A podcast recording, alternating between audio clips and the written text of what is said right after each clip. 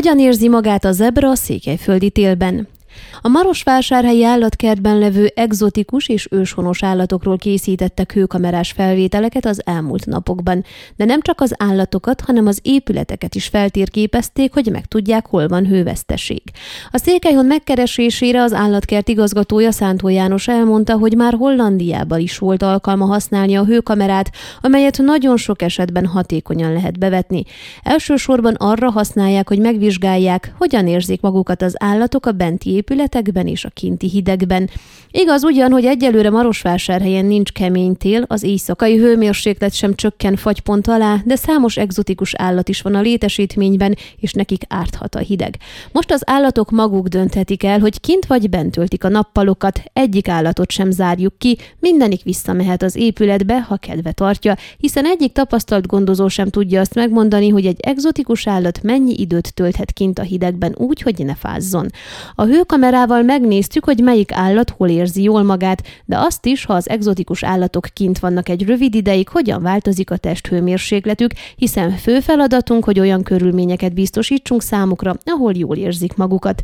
Az állatkertünkben az állatjóléti feltételek biztosítása nagyon fontos, emelte ki az igazgató. Szántó János elmondta, hogy a hőkamera használata az állatok egészségügyi állapotának felmérése során is nagyon fontos, mivel a segítségével ki lehet szűrni a beteg beteg egyedeket, és szükség esetén el lehet távolítani a többiektől.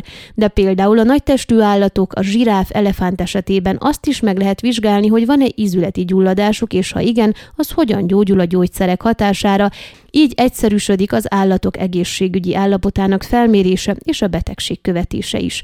Például egy zsiráfot csak elaltatva lehetne megvizsgálni, és az altató alkalmazása veszélyes lehet, hiszen az állat összeesik és meg is sérülhet, de a hőkamerával mindez elkerülhető, emelte ki.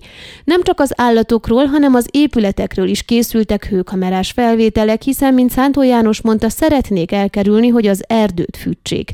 A fotókon pontosan látszik, hogy melyik épületnek hol van nagy hővesztesége, illetve melyikben van esetleg túl meleg. Az így feltérképezett gondokat idén szeretnék kijavítani, ahol kell ott szigetelni, javítani, hiszen az a céljuk, hogy környezettudatosan oldják meg az állatkerti épületek fűtését is.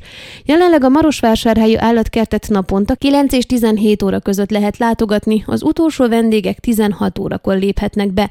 Mint az igazgató hangsúlyozta, mivel az állatok nincsenek bezárva, így a benti épületekben, de a kinti kifutóban is lehetnek, ezért azt ajánlja a látogatóknak, hogy szálljanak időt az állatkerti sétára, barangoljanak kedvükre a friss levegőn, mert így van esélyük, hogy minél több egzotikus állatot kint is megnézhessenek. Az elmúlt időszakban hóbagyok és rénszarvas is érkezett az állatkertbe, ezeket is meg lehet már csodálni, de szintén az elmúlt időszakban csatlakoztak az állatállományhoz a flamingók, gyűrűs farkumakik is. A jegyárak szinte változatlanok, a felnőttek 20 lej, a 12 évnél kisebb gyermekek és nyugdíjasok 5 lej, míg a 12 évnél nagyobb gyermekek 10 lej ellenében léphetnek be.